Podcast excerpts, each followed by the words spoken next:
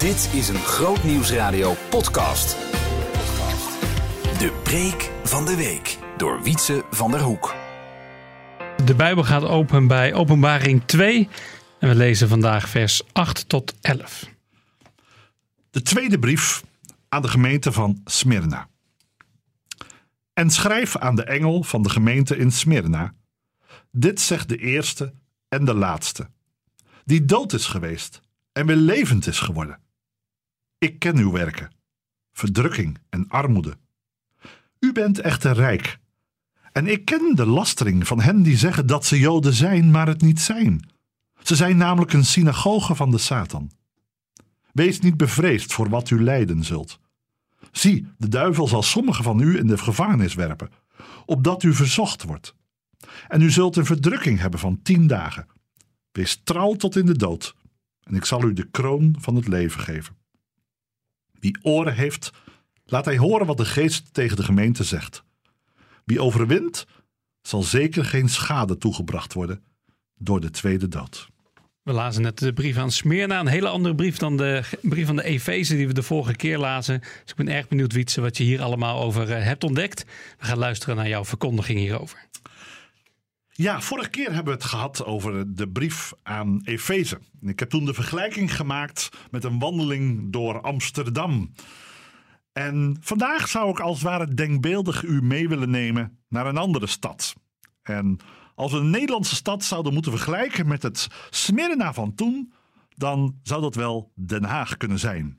O, o Smyrna, mooie stad achter de duinen. Een stad die aan de westkust van Turkije ligt, het huidige Izmir. Een stad waar je zou kunnen zeggen met een kroontje erop. Koninklijk, paleizen, grandeur, ehm, vlaggen, standbeelden, noem maar op. Het is het trotse Smyrna.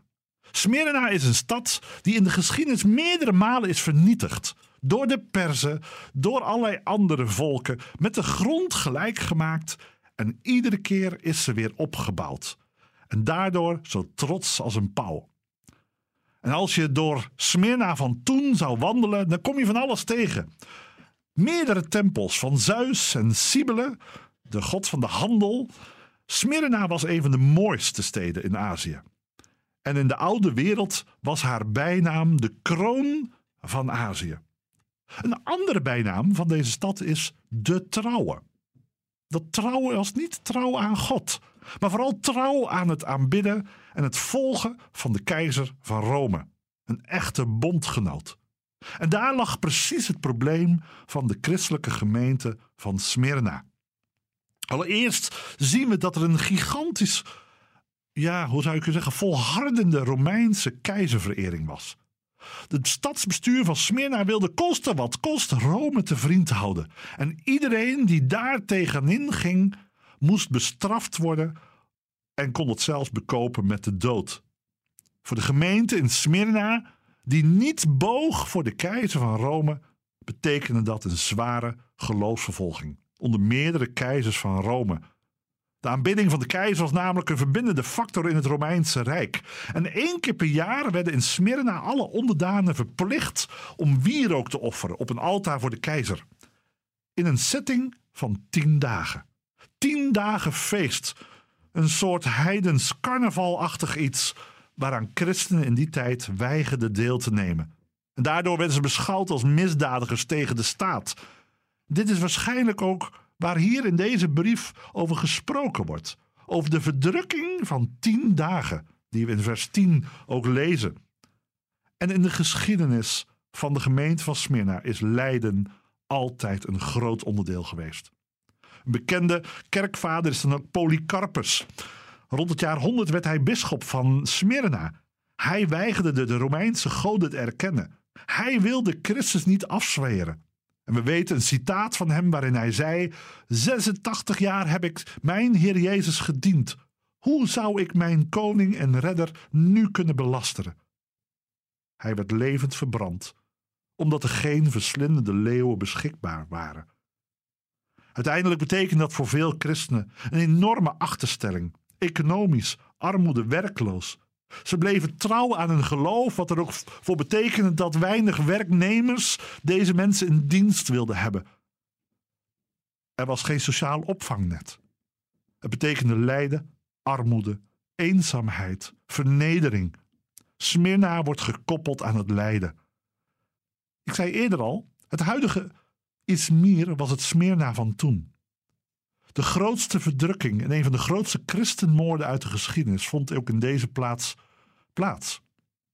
In 1922 vermoordden de Turken onder leiding van Mustafa Kemal Atatürk in deze plaats 300.000 christenen in een paar weken tijd. De tien dagen van verdrukking heeft altijd aan Smyrna gekleefd.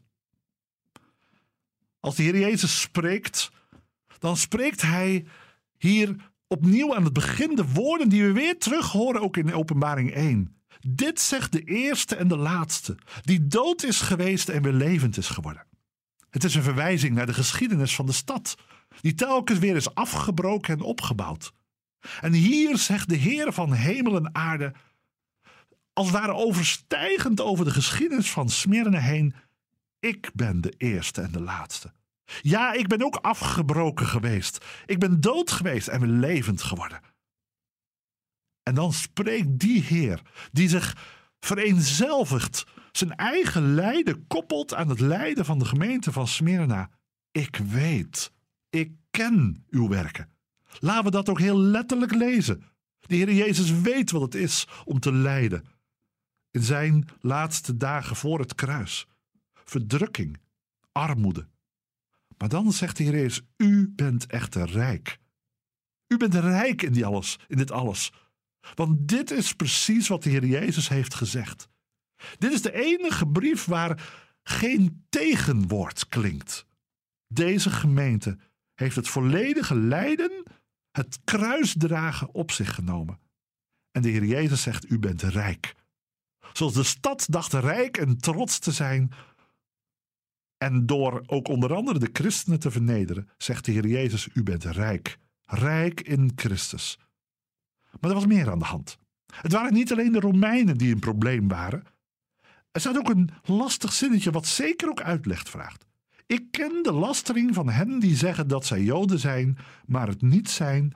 Ze zijn namelijk een synagoge van de Satan. Voordat u gelijk denkt dat hier de Heer een hekel heeft aan Joden en deze tekst zomaar gebruikt zal worden voor antisemitisme, dan heeft u het mis. Want je moet goed lezen wat er staat. Ik ken de lastering van hen die zeggen dat ze Joden zijn. Hiermee zegt niet Jezus: alle Joden zijn een synagoge van de Satan. Nee, dit zijn Joden die twee heren dienen. Joden werden gekend als monotheïstische godsdiensten. Het Shema Israël, Heer, er is één, hoor Israël, de Heer is één, er is maar één God. Maar deze Joden waren huigelaars in Smyrna. Het waren Joden die van twee walletjes wilden eten. Aan de ene kant hun eigen synagoge houden met de gebruiken en tegelijkertijd het stadsbestuur en de Romeinen tevreden houden. Er was, was een soort compromis gesloten. Twee heren werden er gediend, God en de keizer. En de welgestelde Joden waren bereid om wel een buigingje te maken voor het beeld van de keizer. Als zij zo met rust gelaten zouden worden, als zo hun hebben dingetjes niet in gevaar zouden komen, waren ze wel bereid om te buigen. En zo stelden ze hun maatschappelijke en economische posities veilig en konden ze delen in de algemene welvaart. Zien we hier iets niet wat een groot gevaar is voor de gemeente van vandaag? Is dit niet soms de strijd die we zelf ervaren in ons leven? Van twee walletjes willen eten? Populair gevonden willen worden door de wereld?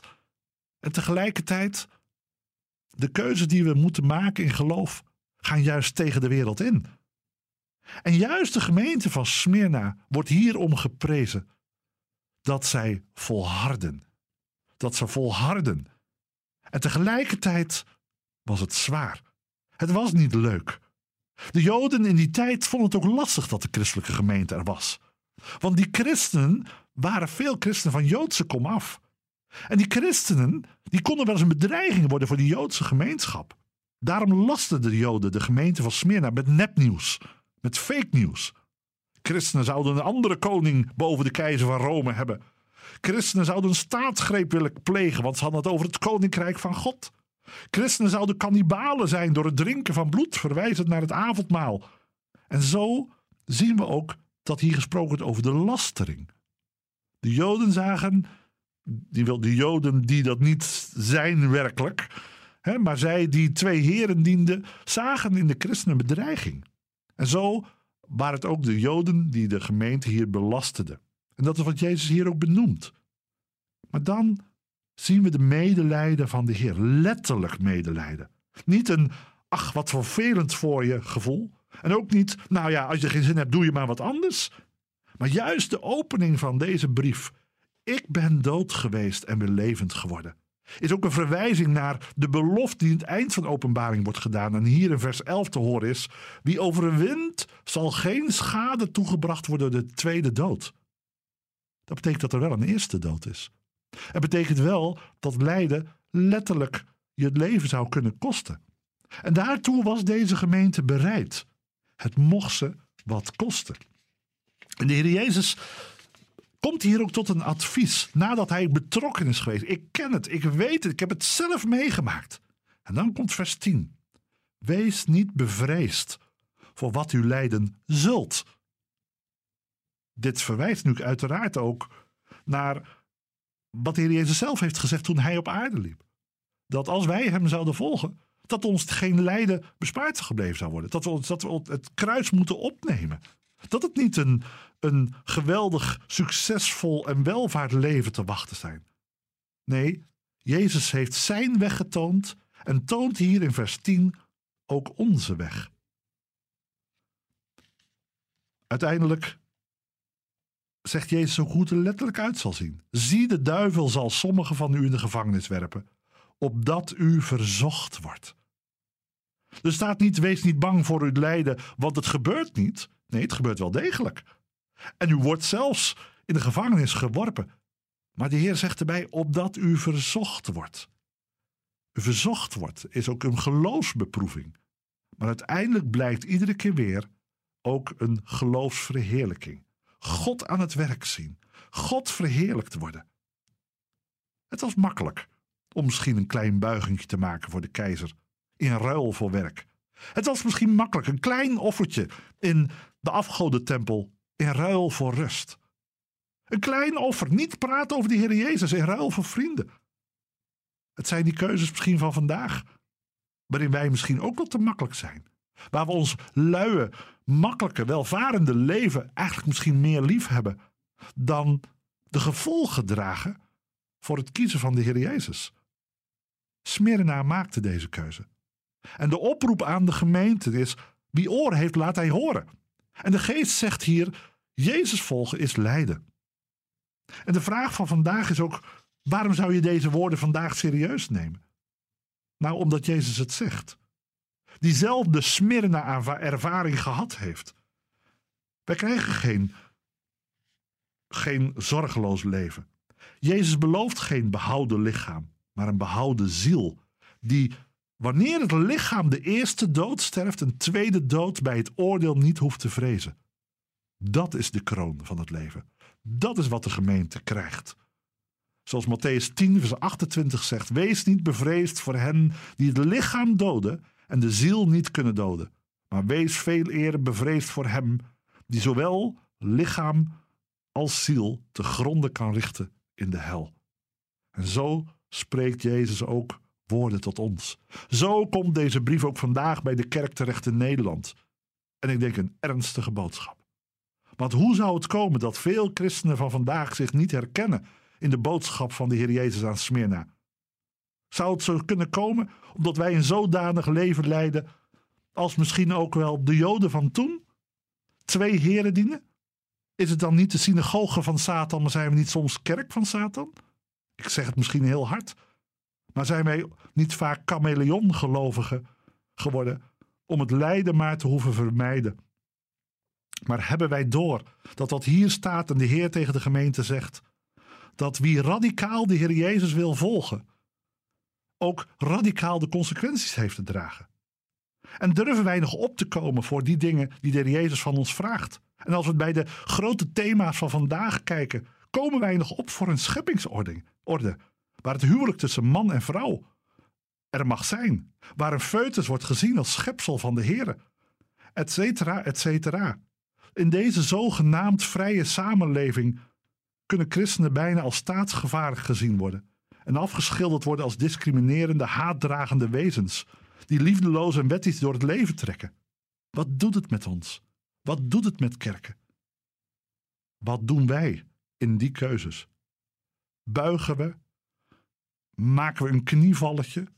Dienen we twee heren? Hier is heel duidelijk wat de Heer ons opdraagt. Wees niet bevreesd voor wat u lijden zult. Ik ben de eerste en ik ben de laatste. Wie overwint zal geen schade gebracht worden door de tweede dood. Wij als christenen kennen de verzoeking. Wij weten deze strijd. Smyrna is ook vandaag, net als Efeze vandaag kan zijn. Zoals alle brieven van openbaring vandaag kunnen zijn en gelezen moeten worden in alle gemeenten. Maar als wij verzocht worden, laten we dan niet boos worden op God.